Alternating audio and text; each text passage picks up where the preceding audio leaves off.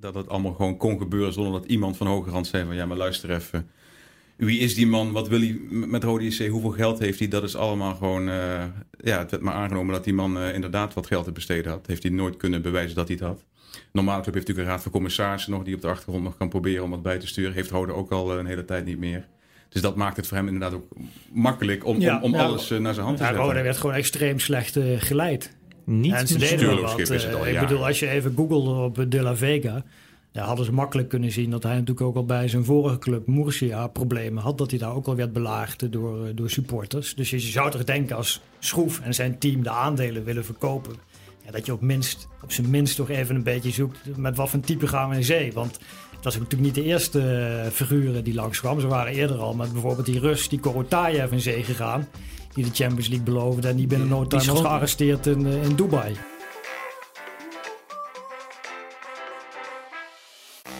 In de podcast Scorebordjournalistiek bespreken we wekelijks een productie van Voetbal International. Ben je benieuwd naar het artikel dat we bespreken? Ga dan naar www.vi.nl slash scorebordjournalistiek. Daar kun je het hele stuk gratis lezen.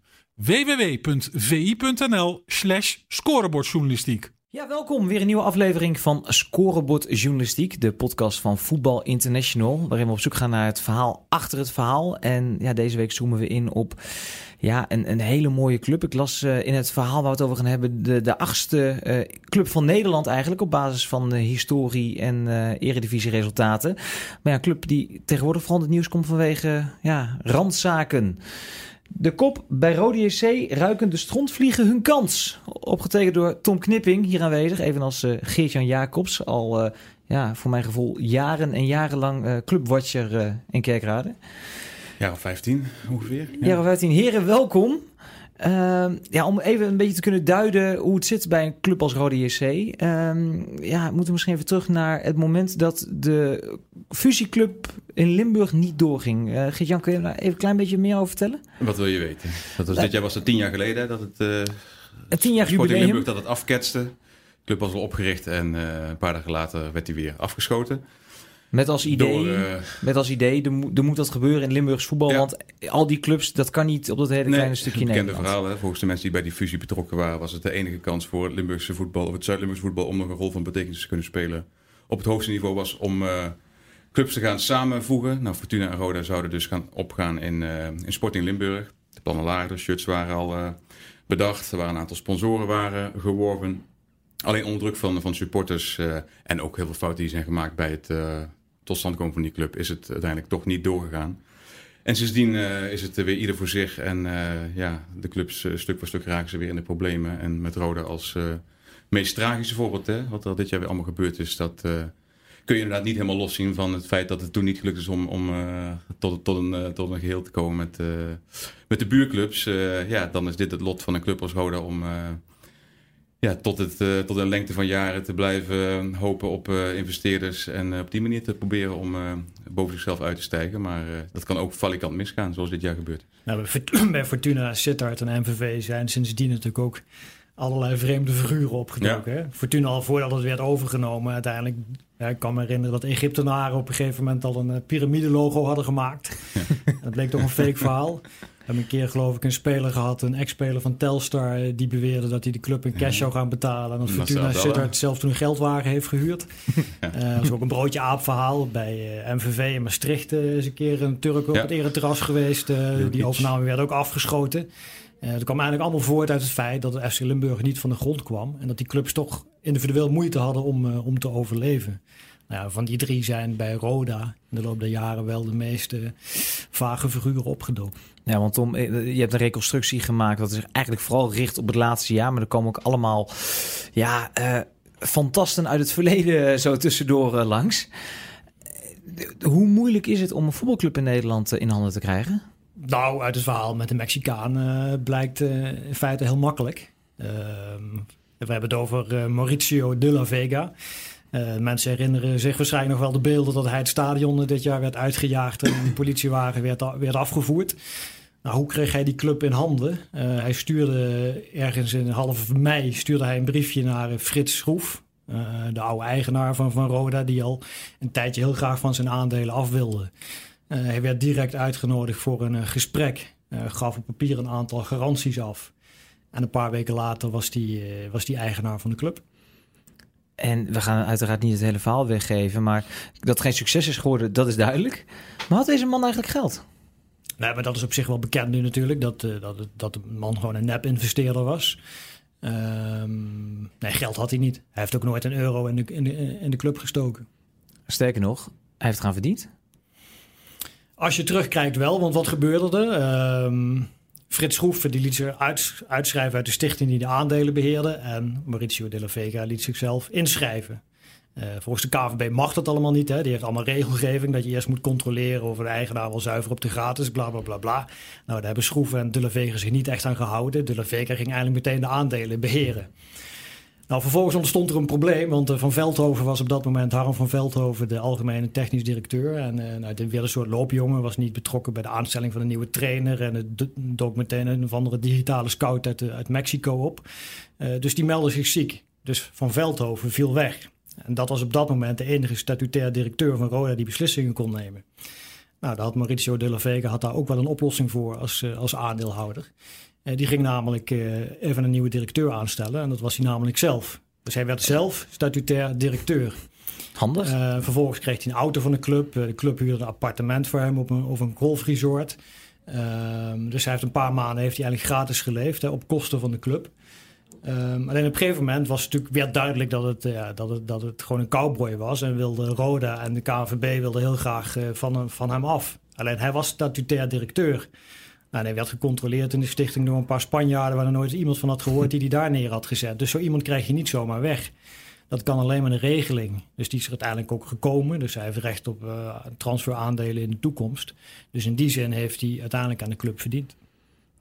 Niemand legde hem een strookbreed in de weg. Hè? Dat verhaal je nu vertelt, uh, dat klopt natuurlijk. Maar dat, dat het allemaal gewoon kon gebeuren zonder dat iemand van hoge rand zei van... ja, maar luister even, wie is die man? Wat wil hij met Rode JC? Hoeveel geld heeft hij? Dat is allemaal gewoon... Uh, ja, het werd maar aangenomen dat die man uh, inderdaad wat geld te besteden had. Heeft hij nooit kunnen bewijzen dat hij het had.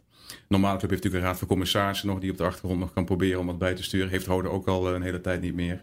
Dus dat maakt het voor hem inderdaad ook makkelijk om, ja, om, alles naar zijn hand te ja, zetten. Rode werd gewoon extreem slecht geleid. Niet en ze deden wat. Is het al, ik bedoel, als je even googelde op De La Vega ja, hadden ze makkelijk kunnen zien dat hij natuurlijk ook al bij zijn vorige club Murcia problemen had. Dat hij daar ook al werd belaagd door, door supporters. Dus je zou toch denken als Schroef en zijn team de aandelen willen verkopen. Ja, dat je op, minst, op zijn minst toch even een beetje zoekt met wat voor type gaan we in zee. Want het was natuurlijk niet de eerste uh, figuren die langskwam. Ze waren eerder al met bijvoorbeeld die Rus, die Korotayev in zee gegaan die de Champions League beloofde. En die binnen no time was gearresteerd in, uh, in Dubai. Die schoonspringer waar we nooit meer wat van hebben gehoord. Ja, de ex-schoonspringer. Nou, die kwam op een gegeven moment op een dag in, uh, in Kerkrade. Beloofde daar de Champions League. Uh, Anelka die werd zelfs ja. aangerukt om te scouten. Ja, hij heeft flink uh, verdiend aan Rode JC, aan elkaar althans. Hij heeft heel veel uh, geld gekost. Hè. Hij heeft natuurlijk daar uh, een luxe leventje ja. geleid in Maastricht, een duur appartement. ja, dat is ook allemaal geld. Arends Hoofd werd hij genoemd hè, door, door, door, door, zijn buurman in Dubai. Ja, maar goed, die man ging terug naar Dubai, werd daar gearresteerd. En ja, uiteindelijk is hij weer vrijgekomen. Maar zijn banktegoeden zijn al drie jaar bevroren. Dus hij is 20% aandeelhouder, maar hij kan al, 20, hij kan al drie jaar niet 20% van het tekort aanzuiveren, wat hij wel moet doen. Maar dus hij, die voorgeschiedenis lag er al. Ja. Hè? En dat dat schroef met zijn team zo geregeld. Nou, dan komt er een nieuwe figuur met allerlei beloftes. Ja, dan is het toch eigenlijk wel kwalijk dat hij niet, uh, niet enigszins is uh, gecheckt. Maar goed, dan heb je altijd nog de achtervang van de KNVB. Hè, zij zeggen dus ieder, iedereen die meer dan 25% investeert, gaan wij checken. Uh, en tot die tijd mogen de aandelen niet worden overgedragen. Nou ja, wat doen Schroef en De La Vega? Die regelen meteen de aandelen overgedragen. En dan heb je eigenlijk gewoon strijd in de KNVB. Ja, als je zo als club te werk gaat, ja, dan, dan roep je het natuurlijk ook wel over jezelf af. Geert-Jan, jij, jij was aanwezig bij, uh, laten we zeggen, een presentatie. Je hebt de beste man ontmoet, de, de La Vega. Mm -hmm. ik, ik, herinner me verhaal van je nog. Ja. Wat voor indruk kreeg jij van deze man? uh, iemand die zichzelf goed kan verkopen. Een, uh, een charmeur moeilijk om daar echt een uh, echt vat op te krijgen wat hij nou eigenlijk wilde. Ik heb hem toen inderdaad geïnterviewd, maar de vragen die ik had, die, uh, daar bleef hij, vond ik toen al erg vaag over wat hij nou concreet met die club wilde. Ik vond hem een erg nerveuze indruk maken. Hij wilde eigenlijk liever geen interviews geven. Toen op uh, aandringen van zijn adviseur was toen ook Pieter Nieuwhuis van Hypercube en wat mensen van de club, onder andere de perschef, heeft hij toch wat interviews toen gegeven. Maar wat hij toen eigenlijk wilde vertellen, dat werd mij niet helemaal duidelijk. Hij had wat algemeenheden. De Koempelmentaliteit moest terugkomen. Hij had verdienmodellen in de toekomst. Hij ging een muur, mu, soort muur bouwen. Dat was Trump, de metafoor ja, die hij die, die gebruikte, ja. Maar het was moeilijk, ja. En dan, en, en dan, en dan, uh, en dan uh, ga je na een uur bij die man weg en denk je van ja, het klinkt allemaal leuk en aardig. Maar concreet is er natuurlijk nog heel weinig. En, en dan, dan hoop je maar dat die club zijn huiswerk uh, heeft gedaan. Kijk, wat ik op dat moment had aan informatie was allemaal heel slecht over hem. Want ik wist van Moersia, de mensen die met hem gewerkt hadden, waren allemaal uh, vernietigend over hem. Alleen hij zelf had daar, had, daar, had er dan een uitleg over van ja, ik heb inderdaad uh, problemen gehad bij Moersia. Ik heb daar wat vijanden gehad die uh, alleen maar tegen mij waren en alles heb gedaan om mij daar in een kwaad daglicht te stellen. Ik ga me hier revancheren, ik ga het laten zien. Maar goed, al snel na dat verhaal werd duidelijk dat, dat hij weer dezelfde kant op ging als bij Moersia. Namelijk alleen maar beloftes maken en geen euro in de club steken. Dus wat dat betreft uh, ja, is het scenario volledig uh, op, op het verhaal Moersia te leggen. Hij heeft gewoon hetzelfde gedaan in Kerkrade wat hij, wat hij in Spanje gedaan heeft. Maar hij kan zich dus goed verkopen, dus dat is ook natuurlijk wel logisch. Want hij, hè, dat, dat, dat, dat, dat, hij dat, dat hij dat kan, want anders kom je natuurlijk ook niet zomaar binnen. Je moet wel een verhaal kunnen vertellen. En dat kon hij. Hij had een rijke fantasie en een grensloos vertrouwen in zichzelf. Dat, uh, dat was, was wel duidelijk. Maar onder de streep was het, zeg maar, het uitleggewicht van zijn woorden was, was niet heel. Ja, maar het is toch het opvallendste uit het hele verhaal vind ik toch hoe makkelijk iedereen daarin is meegegaan. Want je praat toch niet over de minste. Hè? Schroef nee. natuurlijk succesvol ondernemer. Nou, de burgemeester van Kerkrade die had hij direct ingepakt met mooie praatjes. En die kwam ook naar Roda toe om daar te speechen op een of ander event wat ja. hij had uh, georganiseerd. Helemaal onder indruk van die man. Was nou, Hessel Meijer, al heel lang een machtsfactor binnen Roda, sponsor, commissaris geweest, is naast hem uh, directeur geworden. Uh, ook ingetuind. Nou, Hypercube, adviesbureau dat al heel lang actief is in het Nederlandse voetbal, is er, uh, is er ook ingetrapt. Nou, die waren redelijk, uh, om daar even op in te haken, die, die stonden redelijk vooraan destijds. Ja. Die, die, die waren betrokken bij de deal volgens mij. Dat, uh, je Hypercube even uitleggen, dat, dat is een kantoor wat bij heel veel uh, eredivisie... Nou, adviseert clubs, clubs hè, met ook, over, ook de KVB en de UEFA over competitieformats, maar ook clubs met stadionuitbreidingen, et cetera. Dus die worden vaak om advies gevraagd. Dus in dit geval uh, werden ze door De La Vega gevraagd om uh, Roda mee te helpen neerzetten, volgens mij. Want er was ook heel weinig bij Roda natuurlijk uh, nee. qua structuur. Ja. Maar die, in dit geval Pieter Nieuwhuis heeft wel echt de fout gemaakt door heel snel op intuïtie, heeft hij achteraf ook gezegd, die man ook te geloven en hem bij HDC binnen te loodsen. Heeft achteraf ook Nieuwhuis van gezegd van dat hebben we gewoon niet goed gedaan.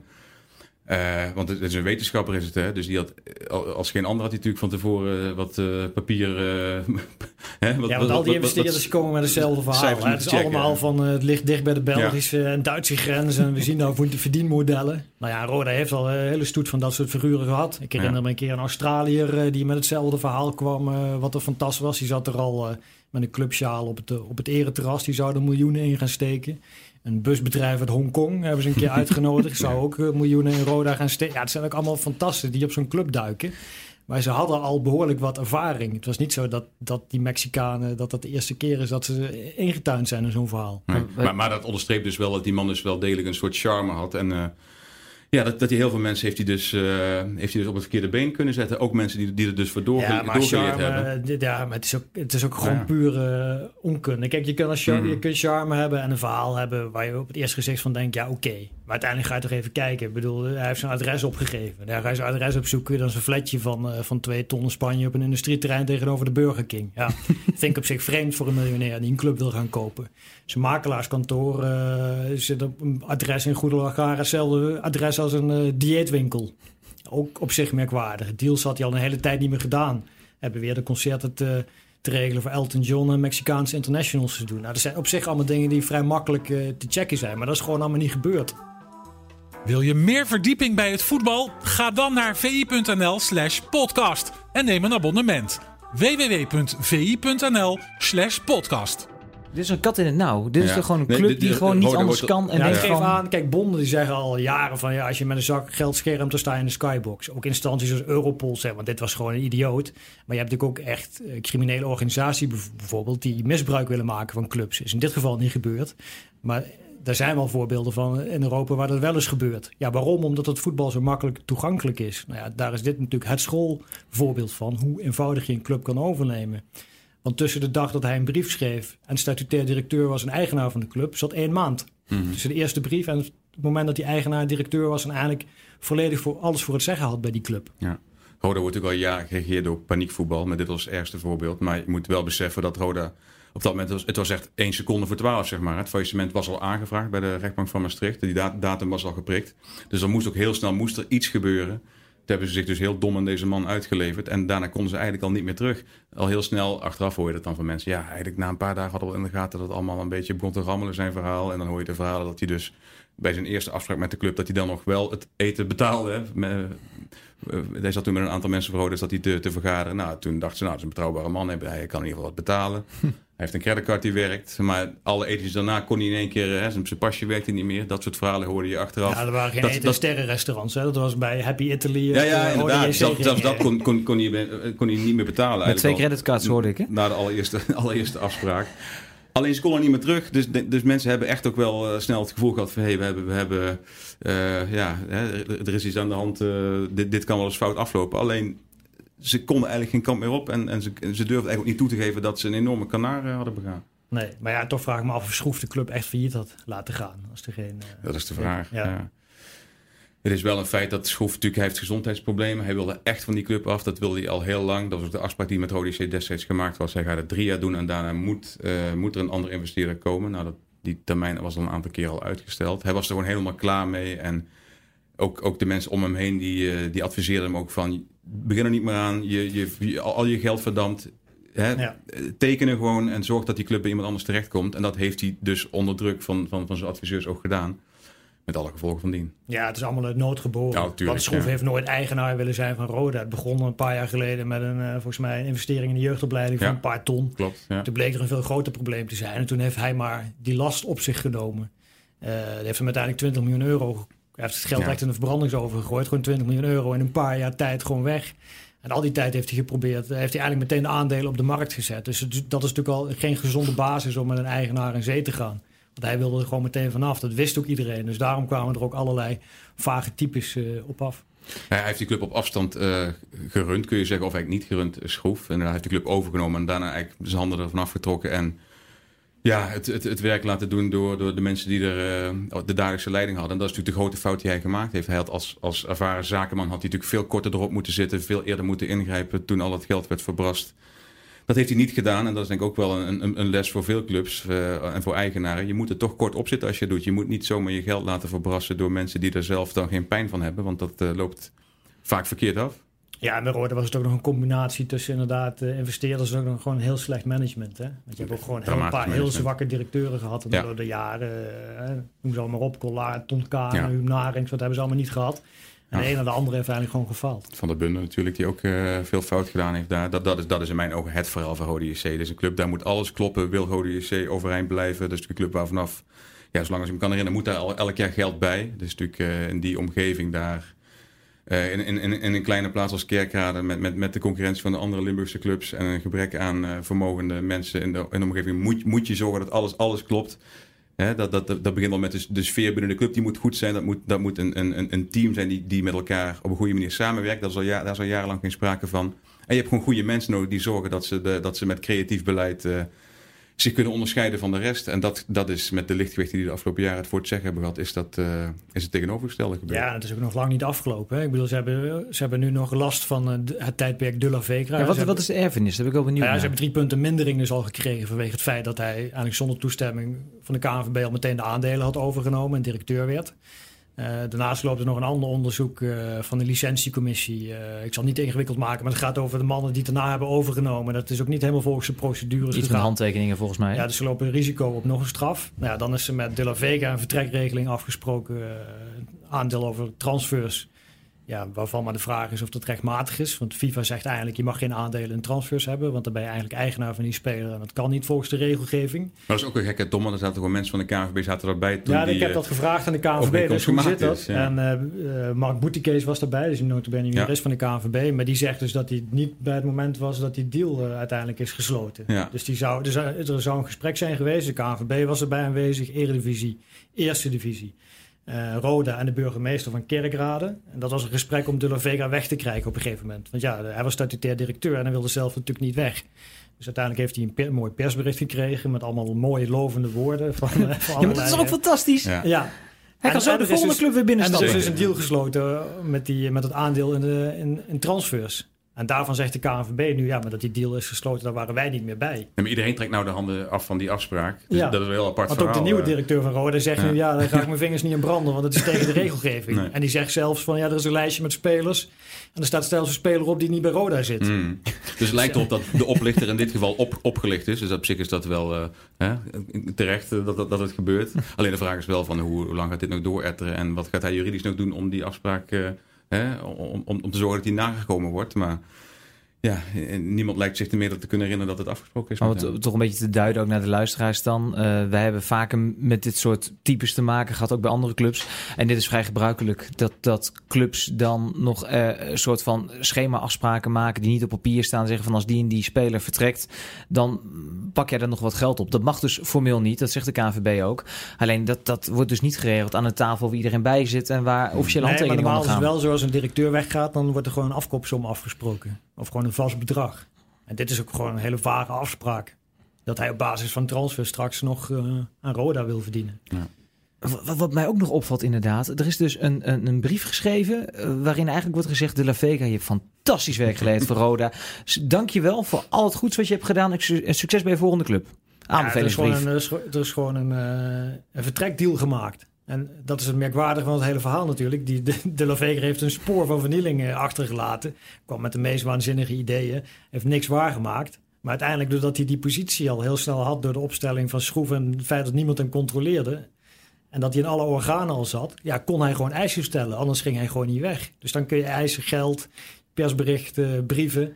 En dat gaat hij straks ongetwijfeld weer gebruiken als aanbeveling bij een nieuw eh, project. Want hoe groot is de kans dat we deze man ergens anders weer op zien duiken binnen nu en... Ja, want ik heb hem gebeld eh, naar aanleiding van het stuk. En eh, ja, dan zegt hij ook van ja, maar kijk het persbericht maar na, kijk de brieven maar na. Ik, iedereen heeft gezegd dat ik uitstekend werk heb verricht. en de club eh, financieel heb eh, geherstructureerd. En dat er een uitstekende selectie staat die hoger gaat eindigen dan vorig jaar. Ja, het staat allemaal zwart op wit. Nou ja, daar heeft hij gelijk en er staat zwart op wit, ja. En zijn zelfvertrouwen is ongeschonden. En denkt, zolang de clubs in paniek zullen raken in de voetbalwereld, zullen er ook clubs zijn die bij hem uiteindelijk terechtkomen. Dus eh, ja, we leven mee met, met eh, het volgende slachtoffer van Garcia de la Vega. Ja, nou, ik vind, ja, ik vind het eigenlijk geen slachtoffers. Ik bedoel, het is niet dat deze man Nee, maar volkomen dan- de- onbekend is of niet gecheckt Nee, maar had je hebt te maken met, met, met Ja. supporters, met mensen die lang bij zo'n club werken. Die worden natuurlijk wel de dupe van, van zo'n vogel die dan eh, worden. Ja, zeker. de kans krijgt Ja. om eh zijn goddelijke gang te gaan. Ja, nee, ik moet zeggen, ik heb in mijn directe omgeving dus mensen die fan zijn van Rode JC... en die dus begin van het seizoen maar een seizoenskaart hebben genomen... omdat de club het geld goed kon gebruiken. Want zover zijn de Hmm. Roda-supporters inmiddels al... omdat ze ook weten dat het financieel gewoon heel slecht gaat. Dus die hebben indirect hebben die de vluchten van eh, de La Vega betaald. Zo kun je het eigenlijk wel zeggen. Ja, want hij vloog op en neer naar Alicante, ook op kosten van, eh, van de club. En hij reed een mini van de club en eh, had een appartement in een golfresort. Eten, drinken, noem maar op. Ja. Ja, dus wat dat betreft, eh, volgens mij heeft Hessel Meijer, eh, de, de man die, met wie hij dus directeur was, een keer voorgerekend dat hij 60.000 euro heeft gekost die periode. Dat is dus nog los van die vertrekregeling en het feit dat hij niks heeft geïnvesteerd. Zelf zegt hij trouwens dat er overigens dat er nog steeds één deal ligt. Dat is de vernoeming van het stadion naar een cryptobedrijf voor 1 miljoen per jaar. Klinkt wel betrouwbaar natuurlijk. Klinkt heel betrouwbaar, ja. Hoe groot is de kans dat dat doorgaat? Nou, 0 Stel eens een beantwoorden natuurlijk. Ja, ja. Wat, wat ik het al, al, allerpijnlijkste vond van die hele soap rond, of ja, het meest hilarische hoogtepunt en ook het meest tragische, wat, er- wat er eigenlijk gebeurd is in die maanden dat hij het voor het zeggen had bij die club, is, is die rechtszaak hè, tegen Erik van der Leur. Wat je er ook van vindt, is toch een clubman hè, met een lange staat van dienst. eh, Maar die werd in een zaaltje in Zeist op een maandagavond, eh, werd, werd die eigenlijk eh, in, in de hoek gezet door, door, door, een, eh, door, een, door een passant. Eh, eh, ja, dat, dat, de hele bijeenkomst was natuurlijk, was Jiske voorbij was het. Maar dat, dat zo'n man dan de ruimte krijgt van, van alle mede eh, eh, mensen die dan, dan ook de achter de schermen aan de touwtjes eh, trekken om dan een man als Erik van der daar eh, te kakken te zetten. Die ja, dan, want eh, hij werd gesteund door de, of tenminste de clubadvocaat, die werkte ja, ja, voor die de Hij- Op dat moment was, was hij Rode JC. Terwijl daar iemand zit die gewoon, die gewoon zijn halve leven voor Rode JC E- werkt. Even, even voor, voor de luisteraar die niet zo vuistdiep in het dossier zit. Erik van der Leur eh, kennen we vooral nog als speler bij Roda. Is vervolgens in allerlei verschillende functies volgens mij bij de club aan het werk gegaan. Mhm. En hij was in zijn la- laatste periode, wat was die? Hij was een jeugdtrainer. eh, hij was een tijdje lang assistenttrainer nog bij het eerste elftal. Scout was hij toch ook? Scout was hij ook. Wat heeft En- die man niet gedaan? en- en hij kreeg van de was een de het andere begin dag was- door, eh, Ja. Nou, hij, was vanaf het begin was het een van de weinige mensen, ik denk zelfs de enige, in ieder geval de enige die ik in die tijd gesproken heb, die vanaf het begin zoiets had van, hey, dit verhaal van die man, dat, dat, dat, dat klopt niet. Hij heeft, het is allemaal te mooi en uh, ja, allemaal, allemaal te glibberig en te schimmig wat hij doet. Dus hij stelde af en toe kritische vragen. En uh, ja, hij moest dus al snel moest hij, uh, moest hij van het toneel verdwijnen op last van De La Vega. En, en De La Vega kreeg ook de ruimte dus van mensen bij Rode om, om hem eruit te bonjouren ook, dat kost ook weer geld. Hè. De advocaten moet dan uh, opkomen draven. Dat wordt ja, dan een, dat is een, een, een belachelijke vertoning in zij. Dat, dat zoiets kan bij ja. zo'n club, dat, dat, dat is eigenlijk het dieptepunt. Ja, ja maar het is ook tragisch als zo'n clubadvocaat. Die werkt er ook al jaren voor Rode. Die kent Van de Leur. En ja. dan komt er een of andere vage Mexicaan binnen. En, uh, dat is toch Loopt achter hem aan. een dieptepunt. Ja. Dus lang verhaal kort. Rode JC blijft achter met nog minder geld dan het al had. Een clubicoon is geslachtofferd. Komt weer terug. Komt weer terug. en een onzekere toekomst. Ja, want er zijn nu een paar nieuwe eigenaren. Volgens mij hebben ze al een groep van zes investeerders die nu alweer aan het discussiëren zijn. Wie heeft hoeveel aandelen? Korotayev zit er nog. Uh, nieuwe eigenaren hebben garantie afgegeven voor 9 ton. Maar ja, het is niet moeilijk om te voorspellen dat het tekort weer veel hoger zal zijn dit jaar. Dus in hoeverre gaan ze bijpassen? Misschien toch weer op zoek naar nieuwe investeerders. Dus bij Roda, dat verhaal is niet afgelopen. Was het de laatste buitenlandse investeerder die bij Roda binnen is gestapt? Hebben ze geleerd van dit verhaal? Ze hebben er nog eentje, hè? dat is. Maar nog een nieuwe. Komt er nog een nieuwe binnen? Nou ja, dat kun je nooit uitsluiten. Dat, dat, dat, dat nou, denk ik, uh, als iemand zich aanmeldt, 100% zeker dat ze gaan praten. Daar twijfel ik niet over. Ja. En uh, ze hebben natuurlijk al onlangs gesproken met een Belgische media tycoon. Nou, ik, ik sluit niet uit dat, die, dat ze toch nog een keer hem gaan vragen om toch te helpen. Ja, de club heeft nog altijd geen fatsoenlijke directie, heeft geen raad van commissarissen. Zit geen voetbalno in de club, zitten geen goede zakenmannen meer in de leiding. Zoals vroeger had je natuurlijk mensen als Servi Kuijer, Nol Hendricks, Theo Piquet. Dat waren goede mensen, die hebben die club jarenlang op de been gehouden. Met uitgekiend beleid. En ja, dat ja. soort mannen heb je gewoon op dit moment niet meer bij Rode JC. Nee, dus tot, tot, je... tot, die tijd, ja. tot er iemand binnenkomt die wel die statuur heeft en... Uh, kennis van zaken, dan, uh, zal het altijd uh, gevoelig blijven voor dit soort, uh, dit soort schetsfiguren. Ja, dus heb je een dure kerst gehad en je hebt geen euro meer op de bankrekening, maar zou je toch graag eigenaar willen worden van een club, dan, dan adviseren wij om naar Roda te gaan. Kerkrade, uitstekend. Benieuwd geworden naar dit verhaal? Ga naar vi.nl slash podcast of lees het extra dikke VI kerstnummer wat ja, enige tijd in de winkel ligt. Geert-Jan, Tom, dank jullie wel.